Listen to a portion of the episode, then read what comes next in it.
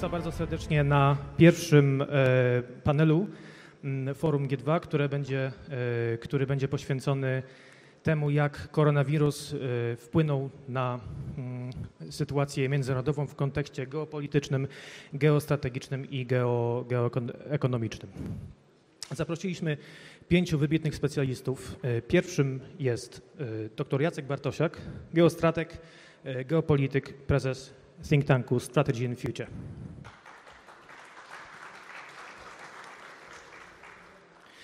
Następnie prezes e, Polskiego Towarzystwa Geo- Geostrategicznego, ekspert do spraw e, geopolityki i geostrategii, dr Leszek Sykulski.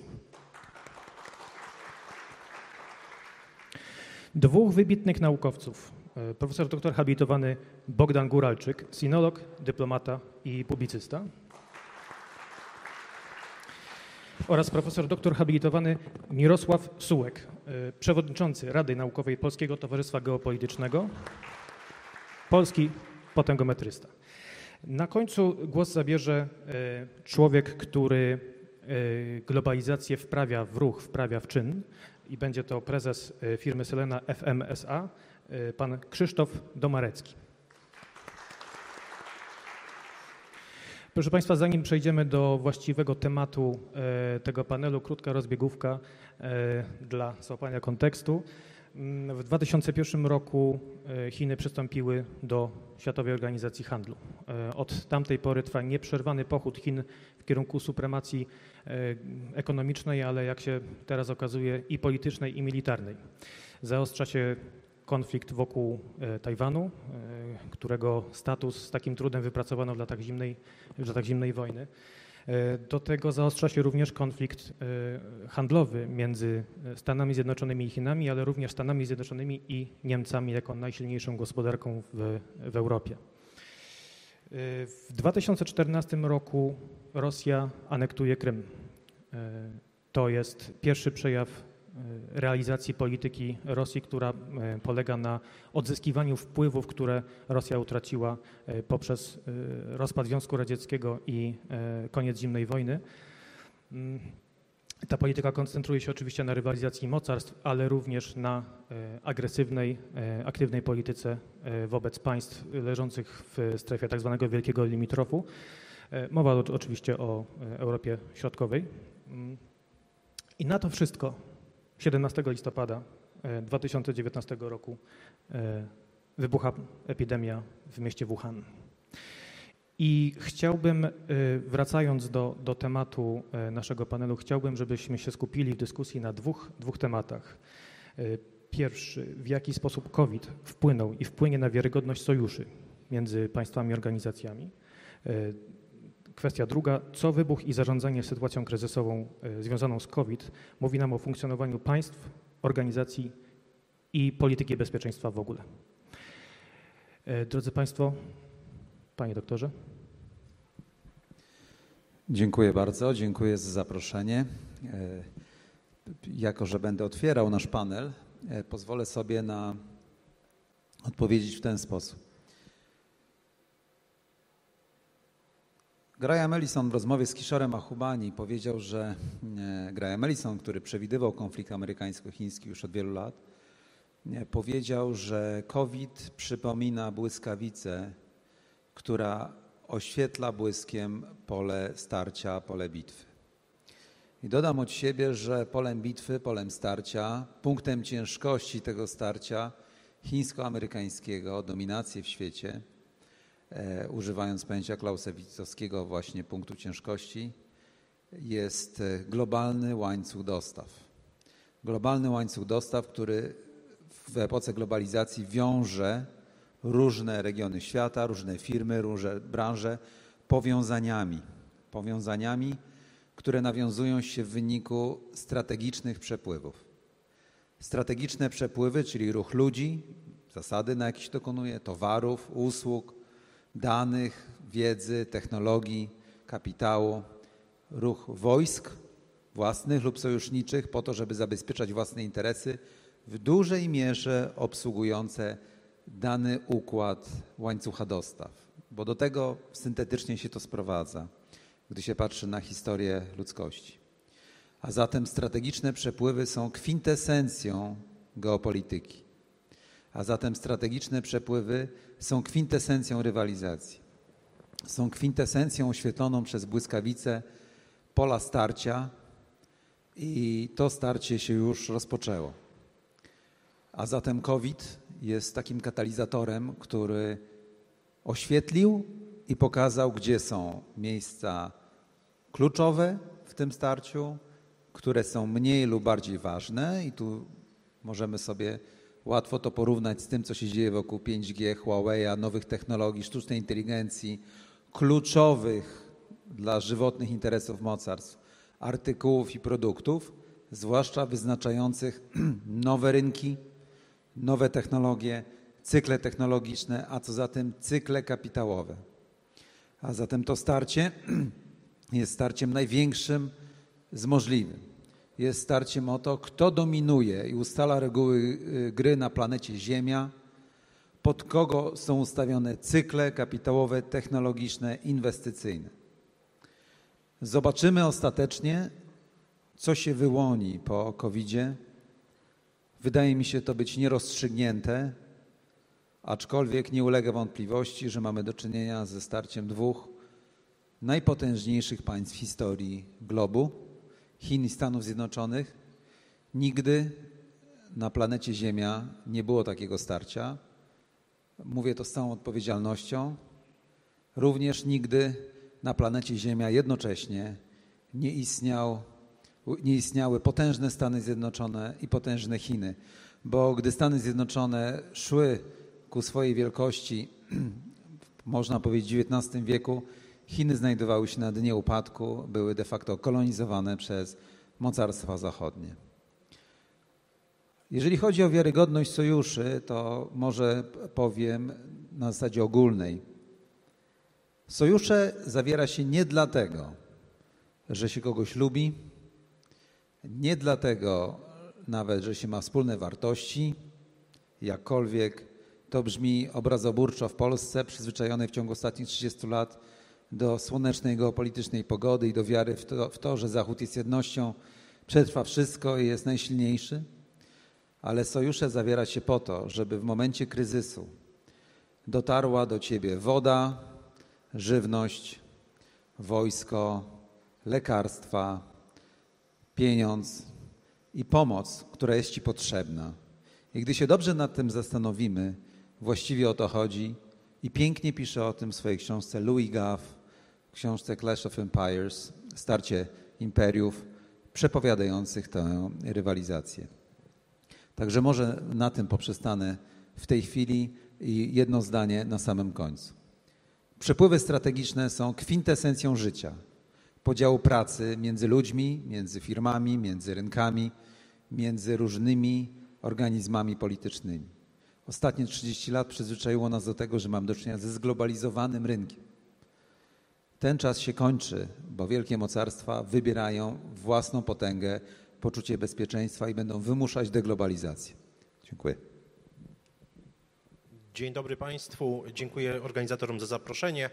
Tym, co chciałbym poruszyć e, w mojej części wystąpienia, odpowiadając na pytanie moderatora, odpowiadając na pytanie pana Łukasza, chciałbym podkreślić dzisiaj szczególne znaczenie pojęcia ryzyka geopolitycznego w tym geopolitycznego ryzyka inwestycyjnego. W mojej opinii nie ma dzisiaj bardziej aktualnego obszaru badań w zakresie geopolityki i geostrategii, jak właśnie geopolityczne ryzyko inwestycyjne. E, odpowiadając na pytanie moderatora, jaki skutki ma, czy też będzie miał COVID w zakresie, w obszarze geopolityki w najbliższych latach, to Oczywiście, po pierwsze, to co powiedział pan doktor Bartosiak, y, zmiana łańcuchów dostaw, czy też zmiana modelu globalizacji, który dotychczas obserwowaliśmy, ale również, szanowni państwo, wzmocnienie, katalizacja tego procesu, który Graham Allison określił mianem pułapki Tukidydesa. Będziemy mówić jeszcze o Polsce, będziemy mówić o zagrożeniach dla Polski, powiem wtedy o pułapce Kindlebergera i w jaki sposób pułapka Kindlebergera może wpłynąć na kwestie biznesowe, na kwestie bezpieczeństwa ekonomicznego Rzeczpospolitej. Natomiast teraz chciałbym się skupić na kwestiach właśnie tych globalnych. Pułapka Tukidydesa, czyli mechanizm rywalizacyjny, specy, taki specyficzny mechanizm, który obserwowaliśmy już w historii wielokrotnie, gdzie z jednej strony mamy hegemona, obecnie oczywiście są to Stany Zjednoczone, słabnącego hegemona, gwaranta oczywiście obecnego systemu, także systemu finansowego e, stworzonego w Woods w 1945 roku i z drugiej strony pretendenta. Pretendenta, czyli Chińską Republikę Ludową. Ten mechanizm kilkukrotnie w historii prowadził do wielkich konfliktów, w tym do wojen światowych. Obie wojny światowe są skutkiem właśnie pułapki e, Tukidydesa, wejścia w pułapkę Tukidydesa przez, e, przez wielkie mocarstwa. Dzisiaj obserwujemy, Szanowni Państwo, groźbę takiego globalnego konfliktu i stopień oceny naszych zdolności percepcyjnych do oceny tego ryzyka geopolitycznego jest jednym z kluczowych absolutnie czynników związanych z prowadzeniem inwestycji e, na skalę, na skalę międzynarodową. Szanowni Państwo, dwa wielkie uskoki geostrategiczne, które dzisiaj, które musimy dzisiaj po czy w trakcie jeszcze, bo ponieważ Światowa Organizacja Zdrowia nie odwołała pandemii, zatem w trakcie y, obecnej pandemii musimy obserwować. Ten wielki uskok geostrategiczny pierwszy, nazwijmy go umownie zachodnim, rozciągający się od Arktyki przez pomost bałtycko-czarnomorski, skończywszy y, przez oczywiście Bliski Wschód, e, skończywszy na rogu Afryki i drugi wielki uskok geostrategiczny, czyli Azja Wschodnia, Azja Południowo-Wschodnia, między innymi oczywiście Morze e, Południowochińskie, Morze, e, Morze Wschodniochińskie, cieśnina Malakka, cieśniny sundajskie. Te obszary mają ogromne znaczenie. Ja obserwując debatę publiczną w Polsce, niestety dochodzę do smutnej konstatacji, że w Polsce nadal dominuje europocentryczne spojrzenie. Kompletnie nie rozumiemy, że wiek XXI jest wiekiem Azji. Proszę zobaczyć, że w Polsce brakuje na przykład państwowego ośrodka analitycznego, który zajmowałby się Azją szczególnie oczywiście Chinami. Spójrzmy na to, jakie mamy ogromne braki, jakie ogromne zapóźnienia w tym, e, w tym zakresie. Myślę, że kończąc już, jednym z najistotniejszych, e, jedną z najistotniejszych kwestii dzisiaj, oprócz powołania takiego państwowego ośrodka, który zajmowałby się właśnie Azją, jest koncentracja na geopolitycznym ryzyku inwestycyjnym. Dziękuję. Dziękujemy. Panie profesorze. Słychać teraz. E, dzień dobry Państwu. Dziękuję e, organizatorom za zaproszenie. Miło być we Wrocławiu, nawet w maseczce. Proszę Państwa, rząd mamy praworządny, więc ja będę nieprawomyślny i postawię kilka tez raczej u nas w mediach niestawianych. Pierwsza, że nadal jesteśmy w pandemii i najważniejszym terminem dzisiaj, czy się nam to komu podoba, czy nie, jest szczepionka. Bo od tego, kiedy i kto ją wynajdzie, będzie niezmiernie dużo zależało. I w tej szczepionce jest niebywała konkurencja. Każdy chce być pierwszy i pod Światową e, Organizacją Zdrowia jest taka próba o dziwo amerykańsko e, Pfizer, chińsko Fosun, niemiecka, która ma szansę, zapowiada, że może ta szczepionka będzie na przełomie tego i przyszłego roku, ale pewności nie mamy. Nie wierzcie, że my już mamy szczepionkę, chociaż jeden z senatorów PiS, znany nam zresztą, to już ogłośnił. To jest punkt pierwszy.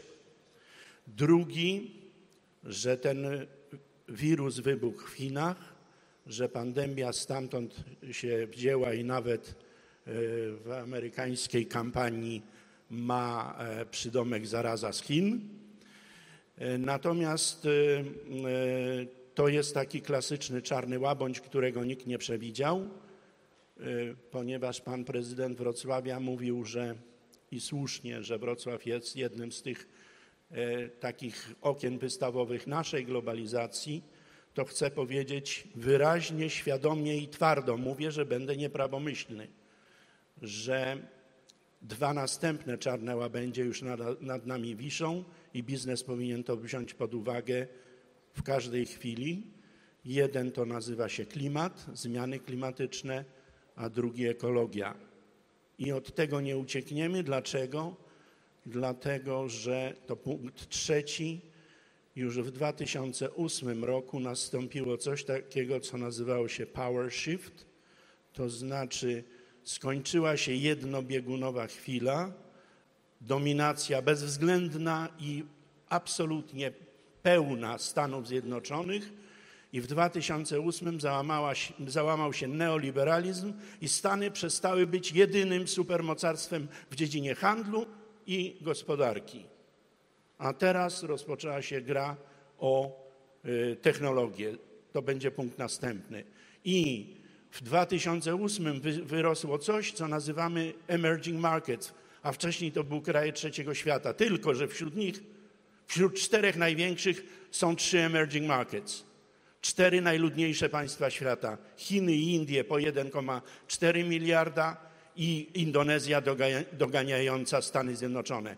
Otóż, proszę Państwa, najwybitniejsi strategzy chińscy, hinduscy, których znam osobiście i których publikacje próbuję tutaj przedstawiać, mówią wyraźnie, ta planeta jest za mała, żeby Chińczycy i Hindusi i Indonezyjczycy i Brazylijczycy mieli American lifestyle.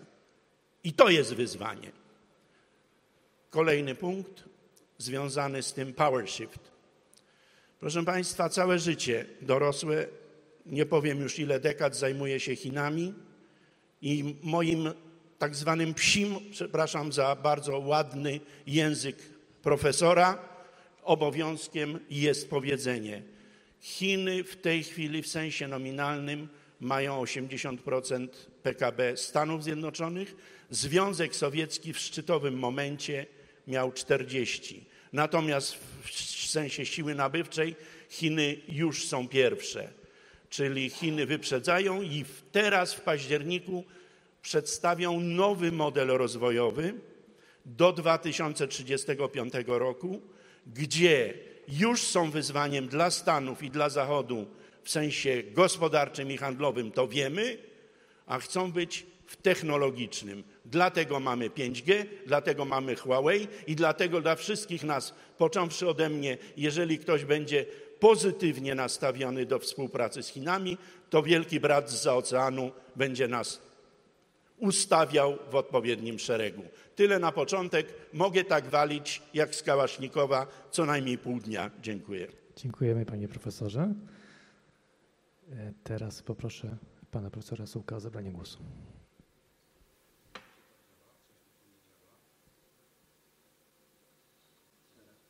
Działa? Działa, dobrze.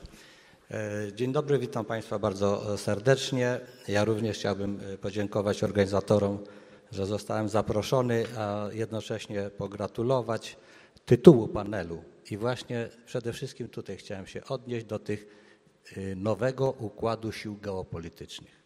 Otóż nowy nowy, czy y, zmiany w układzie sił geopolitycznych, czy w układzie sił międzynarodowych, czy w międzynarodowym układzie sił, to są wszystko synonimy.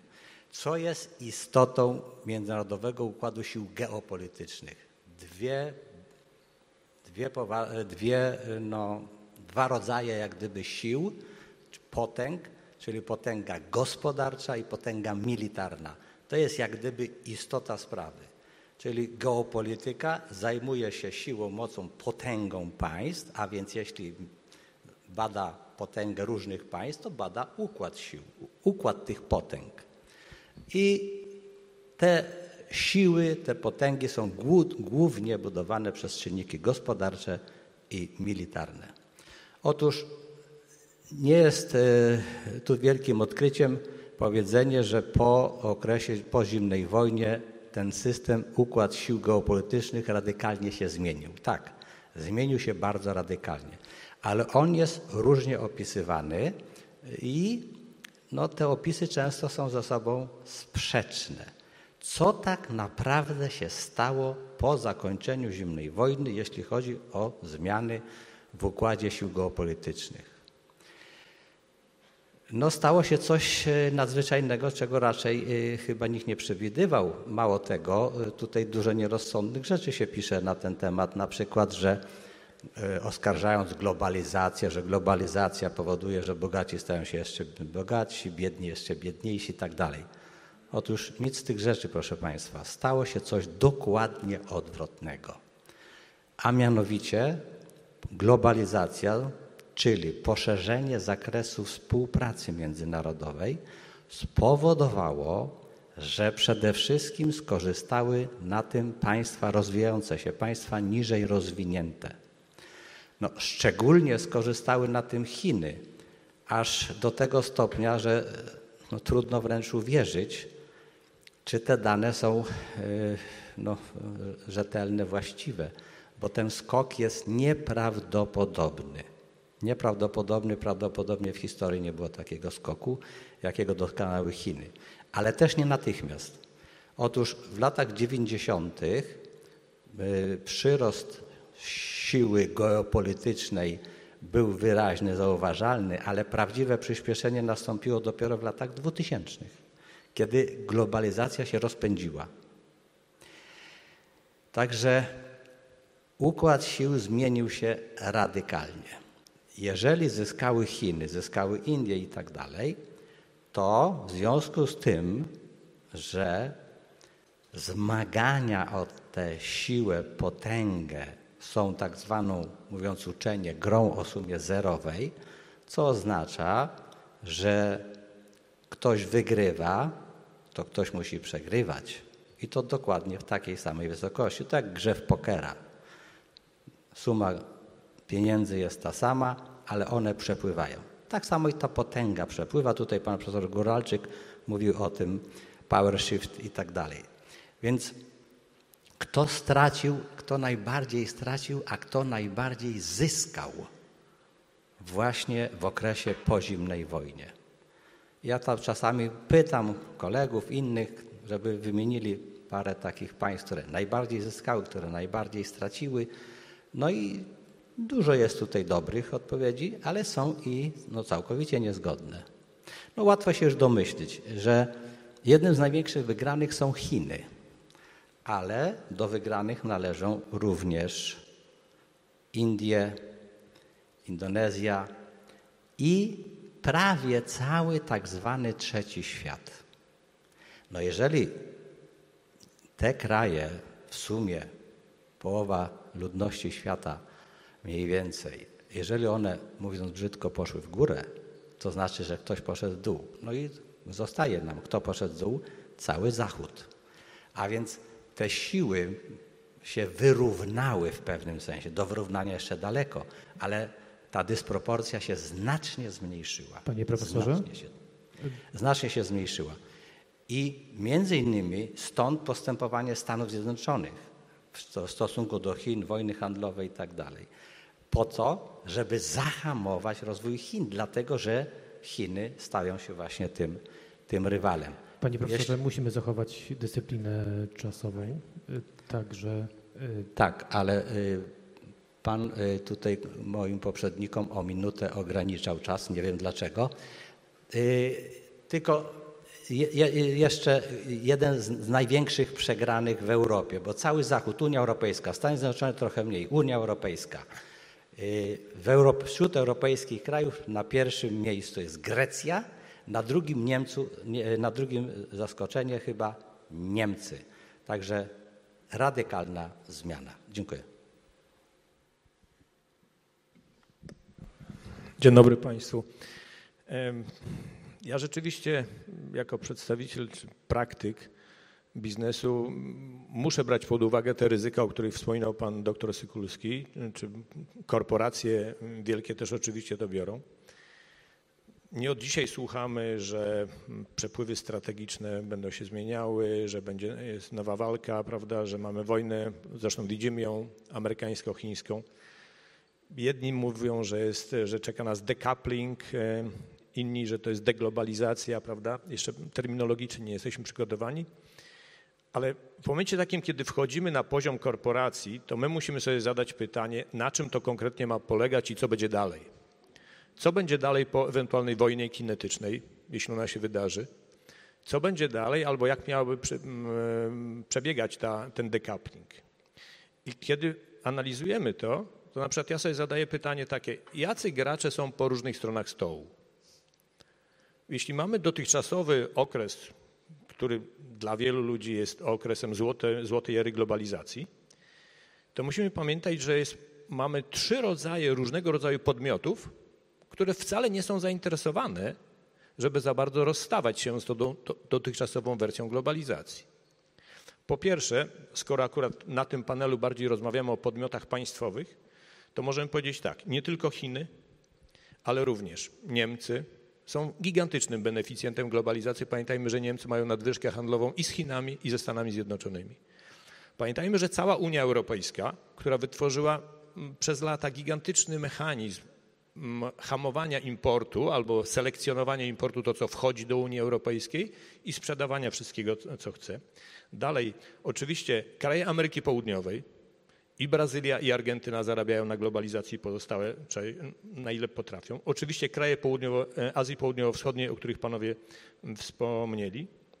Z wszystkich tych krajów jest i będzie niesamowity opór przeciwko deglobalizacji. To mówimy o graczach państwowych.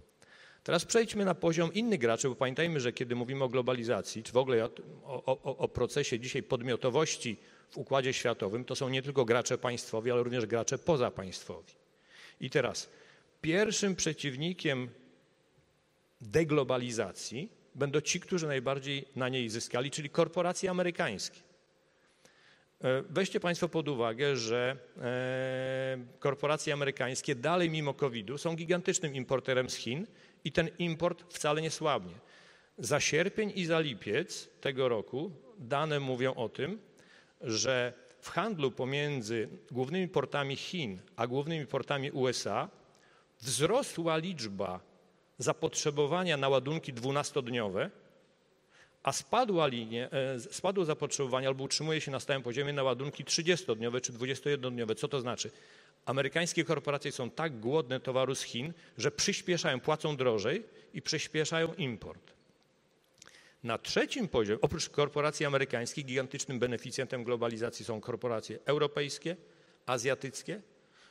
Co by nie powiedzieć, my jako Selena, my też urodziliśmy się dzięki globalizacji i to, że mamy dzisiaj zakłady i w Stanach Zjednoczonych, i w Ameryce Południowej, czy w Azji, czy w Korei, czy w Chinach, to jest dzięki globalizacji. My jesteśmy gigantycznym beneficjentem. I na końcu tym, który będzie przeciwnikiem globalizacji, to jest te 5 miliardów ludzi, które dzięki globalizacji zaczęło, e, zaczęło podnosić swoją, swój poziom życia. 20 lat temu w Saigonie, kiedy zielone światło przeskakiwało z czerwonego, to przez skrzyżowanie ruszało 500 rowerów. 10 lat temu w Saigonie, w tej samej sytuacji, przez skrzyżowanie ruszało 500 skuterów. Dzisiaj to są samochody. I tak jest wszędzie na świecie. Więcej na razie nie powiem. Dziękujemy. Teraz chciałbym, żeby panowie odnieśli się do kontekstu, mm, do, do tych kwestii, e, ale poruszając kontekst Polski, e, kontekst naszego kraju. Mamy na to 21 minut, podzielmy je sprawiedliwie e, wszyscy. I tak jak to zrobiliśmy za pierwszym razem, poproszę pana doktora Bartosiaka o wypowiedź. Tak, w, w kontekście polskim też odniosę się do tego, co mówił mój przedmówca, pan prezes. E, dlatego że rzeczywiście to jest kluczowe pytanie o przyszłość i nic dziwnego, że zadaje je praktyk, bo przecież to nie chodzi o teoretyzowanie, tylko o realne życie, realne e, wybory, realną prosperity albo jej brak. I to są rzeczywiście kluczowe pytania. Szczerze mówiąc, e, to, co chcą zrobić Amerykanie, a przynajmniej elita amerykańskie, i też już spora część biznesu, która uważa, że Chińczycy, jak na przykład Boeing, że za 5 lat czy 10 Chińczycy po prostu przejmą też ten łańcuch dostaw produkcji samolotów i innych spraw, innych rzeczy, innych technologii. E, to, co chcą zrobić Amerykanie, nigdy się nie wydarzyło bez wojny światowej, to po pierwsze. Po drugie, Amerykanie robiąc to łamią, łamią podstawowe zasady geopolityczne obowiązujące mocarstwa morskie, w tym najważniejsze zawarte w tak zwanym memorandum Crowa, czyli że mocarstwo morskie nie może nigdy łamać łokci współpracy międzynarodowej poprzez przypominanie, że panuje na oceanie światowym właśnie w przepływach strategicznych, bo oceanem światowym e, taka firma jak pańska de facto może się komunikować na wszelkie sposoby i wszystkie inne przepływy z tego wynikają, w tym kapitałowe, ludzkie i tak dalej. Więc e, a Amerykanom to świta w głowie. Tutaj już w oczach na pewno Navarro ja widzę te pomysły doradcy ekonomicznego Trumpa, e, bo Amerykanie czują, że wymuszą, a i wymuszą również oczywiście kapitałowy ciąg wciąż na Amerykę, bo do tego to się sprowadza. E, nigdy nikt tego nie ćwiczył. W związku z tym ja, szczerze mówiąc, intuicyjnie czuję, że jest to niemożliwe albo skończy się wielką tragedią, przymusową deglobalizacją, która skończy się być może nawet wojną. Gdybym, e, i tutaj mówię w kontekście Polski, gdybym, bo to akurat to, co bym radził Amerykanom, jest trochę szkodliwe niestety dla interesów Rzeczpospolitej.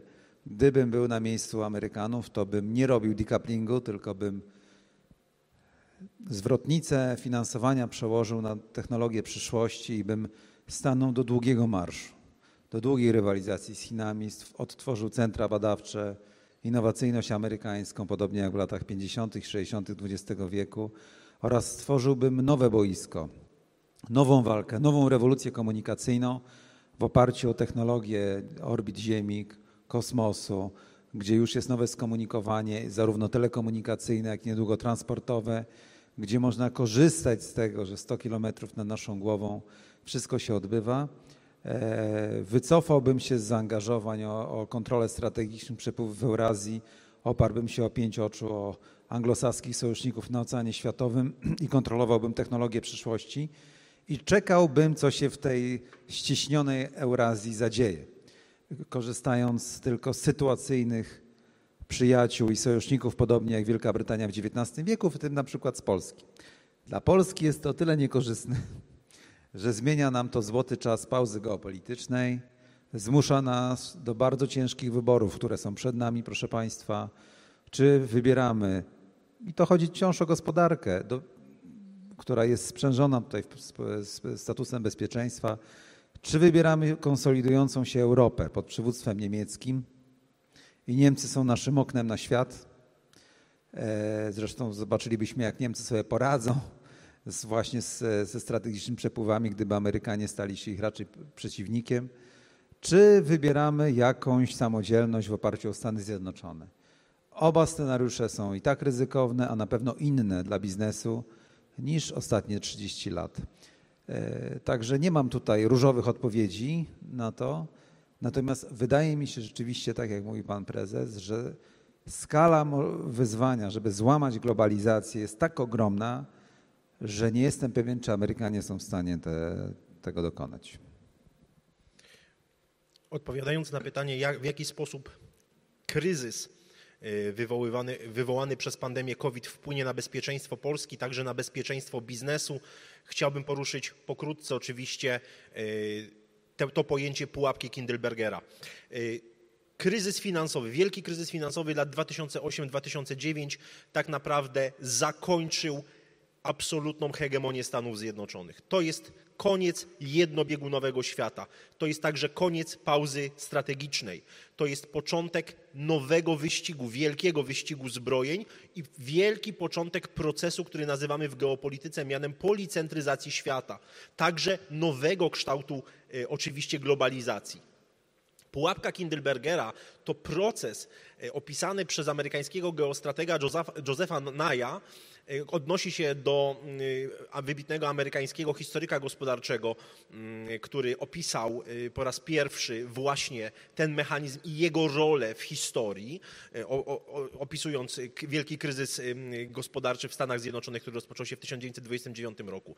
Najprościej mówiąc, pułapka Kindlebergera polega na tym, że hegemon, mocarstwo, które dominuje i jest gwarantem dystrybucji dóbr publicznych, takich dóbr publicznych jak na przykład bezpieczeństwo, może to być bezpieczeństwo rozumiane w sensie politycznym, militarnym, ale także gospodarczym, na przykład swoboda żeglugi po morzach i oceanach, tak? swoboda wymiany handlowej, morskiej wymiany handlowej, która jak wiemy jest najbardziej opłacalna i, e, i przynosi największe bogactwo krajom, które, które prowadzą w ten sposób wymianę handlową właśnie ten gwarant, ten dystrybutor dóbr publicznych przestaje pełnić swoją rolę. I w historii widzieliśmy kilka takich przykładów, gdzie ten globalny hegemon, globalny gwarant dystrybucji dóbr publicznych przestawał pełnić swoją rolę. Prowadziło to oczywiście do destabilizacji, a nawet do wojen światowych. Mieliśmy tutaj przykład chociażby Wielkiej Brytanii. I szanowni Państwo, dzisiaj znajdujemy się dokładnie w takim, w takim punkcie. Z jednej strony mamy pułapkę Tukidydesa, czyli ten wielki mechanizm rywalizacyjny między hegemonem a pretendentem, z drugiej strony pułapka Kindlebergera, czyli wycofywanie się globalnego gwaranta dystrybucji dóbr publicznych ze swojej roli. Y, Stany Zjednoczone zwijają swój parasol bezpieczeństwa, co doskonale widać na Bliskim Wschodzie. Widzimy to wielkie zaniepokojenie chociażby wśród sojuszników amerykańskich na Bliskim Wschodzie, takich jak Arabia Saudyjska czy Izrael. Stoimy, szanowni państwo, w przededniu wielkiej wojny na Bliskim Wschodzie. Mówię to z całą y, odpowiedzialnością. Stoimy w przededniu wielkiej wojny na Bliskim Wschodzie, która przemodeluje całkowicie y, nie tylko y, kwestie bezpieczeństwa globalnego, ale także naszego tutaj, tutaj w Polsce.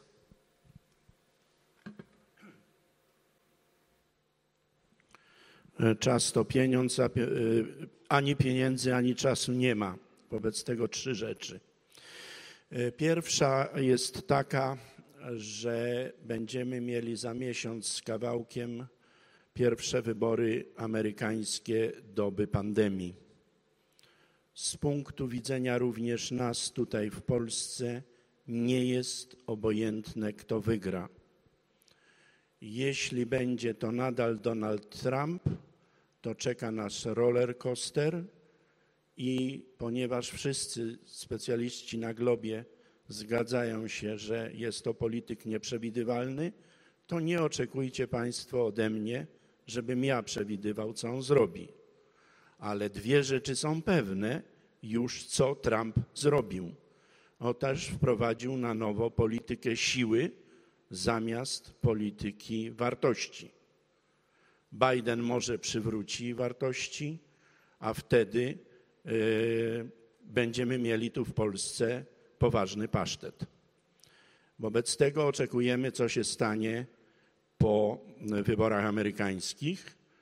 Drugi mój punkt, y, bo Trump jest przeciwko multilateralizmowi.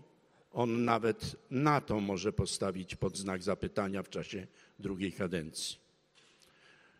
A NATO to jest dla nas podstawa bezpieczeństwa. Bezpieczeństwo ekonomiczne, rozwojowe to jest dla nas Unia Europejska. Tymczasem po Brexicie i po pandemii jedno jest więcej niż widoczne, a kto nie widzi, ten rzeczywiście ślepy. Mianowicie bez Niemiec żadnej decyzji na temat przyszłości Unii się nie podejmie. Proszę uwzględnić relacje niedawne prasowe, że pani Merkel z panią von der Leyen codziennie telefonicznie i faksowo, nie faksowo, tylko mailowo się kontaktują w każdej drobiazgowej sprawie. E, Szczególnie w kontekście Brexitu ma to znaczenie. Nie mówię, jakie ma znaczenie dla Polski i dla Wrocławia, bo chyba tego trzeba, nie trzeba rozwijać. Wobec tego powrót do jakiegoś trójkąta weimarskiego jest w naszym najgłębszym interesie. I trzecia rzecz, nawiązując do Jacka Bartosiaka i pana prezesa. Tak jest, korporacje, z tym, że to są korporacje nie tylko amerykańskie, które bronią się przeciwko deglobalizacji, a ona pod Trumpem może przybrać formułę nawet e, protekcjonizmu, tylko to są również korporacje niemieckie czy francuskie. Przecież jak one postępują wobec Chin, co ja badam i mógłbym cały wykład na ten temat wygłosić. I w tym kontekście jedna niebywała zupełnie rzecz. 15 września chiński prezydent Xi Jinping po oburzeniu demokratycznego świata wprowadził znowu komórki komunistycznej partii Chin do, do prywatnego biznesu.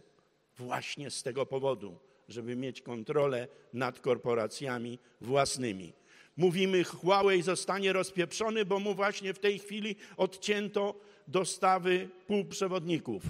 Pół sekundy. E, ale jak nie Huawei, to będzie Xiaomi, który już naszy, na naszym mordorze będzie. A poza tym Chiny mają ciągle jeszcze, już nie monopol, ale komparatywną przewagę w tym, co się nazywa ziemie rzadkie, tych 18 pierwiastkach. Jak oni to mają, to w tej chwili całe pieniądze ładują w to, żeby y, albo zająć Tajwan, i przejąć te półprzewodniki, albo wykorzystać ziemie rzadkie. To są zupełnie nowe wymiary, które w ogóle są poza pojmowaniem naszych elit rządzących o medialnych. Pozwólcie, że zmilczę. Dziękuję. Zacznę od e, słowa polemiki z panem prezesem. Otóż pan prezes mocno podkreślił, że Niemcy są jednym z największych tych, e, no nie wiem, którzy wygrali na e, beneficjentów globalizacji. No akurat u mnie wychodzi całkiem odwrotnie. Niemcy należą do jednych z najbardziej przegranych. Generalnie przegrali wysoko rozwinięci z prostego powodu.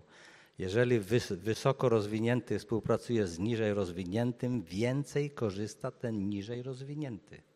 I dlatego zaczyna się ten poziom wyrównywać, na co między innymi Stany Zjednoczone nie, nie chcą y, sobie, że tak powiem, pozwolić i próbują to ograniczać. Stąd ten właśnie ta próba tej deglobalizacji, korzystając między innymi z pandemii. Natomiast Chińczycy, którzy skorzystali najbardziej z dużych państw, na globalizację, no bronią jej po prostu i to jest zrozumiałe, dlatego że geopolityka zajmuje się grą sił i interesów.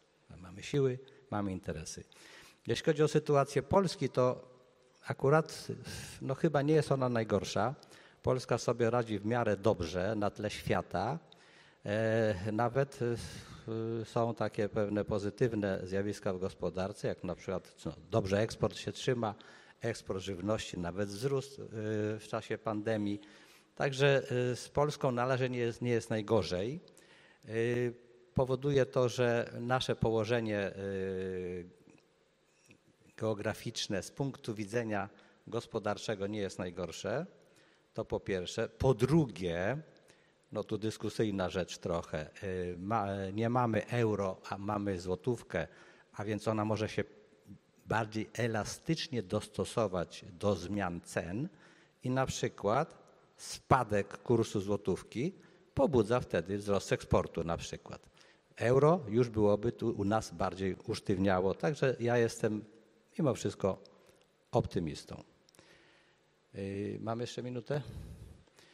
Dobrze, więc jeszcze te, krótka uwaga do e, tego układu sił, jaki on jest. Tu chyba pan doktor Sykulski wspomniał o tym, że on jest wielo jakiś, tak? Wielobiegunowy czy coś takiego. Otóż nie jest on wielobiegunowy, zresztą wielobiegunowy byłby niedobry, dlatego że wtedy ta niepewność, ryzyko wzrasta. Właśnie gdy jest hegemon, czy dwóch, jak dwubiegunowy, jak było w czasie zimnej wojny, no to oni sami siebie trzymają w ryzach i państwa im podporządkowane. Wtedy jest większa przewidywalność, większa stabilność. W systemie wielobiegunowym jest duża niestabilność, duża nieprzewidywalność, więc nie życzmy sobie tak bardzo tego świata wielobiegunowego. Natomiast dzisiaj on rysuje się wyraźnie jako dwubiegunowy. System dwubiegunowy się odtwarza pod postacią USA Chiny. Chiny ciągle są jeszcze z tyłu, zwłaszcza jeśli chodzi o czynnik militarny, ale jeżeli takie nadal będą robić postępy, no to sytuacja będzie zbliżona do sytuacji z okresu zimnej wojny. Dziękuję. Dziękujemy. Znaczy ja przyznam, że jako polski przedsiębiorca od lat martwię się jedną kwestią. Nasza klasa polityczna spędza tysiące godzin na temat, znaczy na bardzo jałową debatę czy wisieć u klanki amerykańskiej, czy wisieć u klanki e, niemieckiej. Otóż mm, bez względu na to, że jest to pytanie zasadne i, że tak powiem, trzeba pracować i z jednymi, i z drugimi, problem jest taki, że przede wszystkim klasa polityczna, ale również która za bardzo pewna część społeczeństwa, ta opiniotwórcza, nie bierze pod uwagę faktu, że kluczem do silnej pozycji Polski w Europie i na mapie globalnej będzie to, co my zrobimy sami z sobą i w jaki sposób sami wzmocnimy swoje zasoby i swoje aktywa. Otóż jeżeli geostrategicznym interesem Polski jest umocnienie się przede wszystkim w regionie tak zwanego Trójmorza, czy tak jak to pan doktor Bartosiak e, mówi na pomoście bałtycko-czarnomorskim, prawda? To pamiętajmy, że w dobie globalizacji do tego należy użyć innych narzędzi niż poprzednio, ale nie można posługiwać się tylko lewarem e, amerykańskim, e, bo on niekoniecznie chce to obsłużyć. Nie będzie tego obsługiwał lewar chiński, a już na pewno nie niemiecki. Więc w tym sensie jest pytanie, co może zrobić Polska, bo takie było pańskie pytanie. Otóż przede wszystkim powinna zająć się sobą i wzmocnieniem dwóch zasadniczych kwestii. Pierwsze, wzmocnieniem polskiej gospodarki, dlatego że bez względu na to, na ile pan profesor jest zachwycony naszym eksportem, to ja mam z tym eksportem problem, dlatego że 65% eksportu polskiego to jest eksport realizowany przez montownie zachodnich korporacji, czyli jesteśmy jedynie w ramach przepływów strategicznych nie swoich. Przy czym pamiętajmy, że ten problem dotyczy nie tylko Polski, ale całego regionu, dlatego że w przypadku Rumunii to jest 85%, Bułgarii też 85%, Węgry 80%. Cały ten region jest najbardziej w tym sensie skolonizowanym gospodarczo regionem na świecie. Ani Ameryka Południowa, ani Azja Południowo-Wschodnia, które rosną, nie mają takiego udziału zagranicznego kapitału w swoim własnym eksporcie. Więc po pierwsze jest kwestia wzmacniania własnych polskich przedsiębiorstw. Zresztą mówiłem już o tym 10 lat temu na kongresie Polska Wielki Projekt, zwracając uwagę na ten problem, bo on, to polskie firmy będą podstawą potencjalnej suwerenności. Drugi element to jest zbudowanie silnej armii, ale własnej armii, bo Stany Zjednoczone z koncepcją półtorej wojny, a być może nawet jednej, którą niekoniecznie muszą wygrać, niekoniecznie muszą nam przyjść z pomocą w, w przypadku konfliktu. W związku z tym bez silnej armii, najpierw lądowej, a później armii działającej na Bałtyku, która byłaby zdolna operować e, chociażby w, w niektórych jego częściach, nie będzie obsługiwania polskiego interesu. I na końcu, ponieważ mówimy o regionie Trójmorza, nie liczmy na to, że Polska ma zasoby na to, żeby oddziaływać na te wszystkie kraje samodzielnie. Polska powinna te kraje, na te kraje oddziaływać w drodze kooperacji, zachęcając wszystkie kraje Trójmorza, żeby poszły naszym przykładem i po prostu wzbogaciły się i zbudowały taką potęgę, jaką my mamy lokalnie u siebie. Czyli bądźmy wzorem a nie kimś, kto po staremu narzuca, czy tam wchodzi swoimi przedsiębiorstwami, bo jesteśmy za słabi, przy czym to jest program na 30 lat, a nie na jedną debatę. Dziękujemy bardzo e, wszystkim e, zaproszonym panelistom. Dziękuję Państwu za, za uwagę. Dobiega końca pierwszy e, panel Forum G2. Zapraszamy na następne panele. Dziękuję bardzo.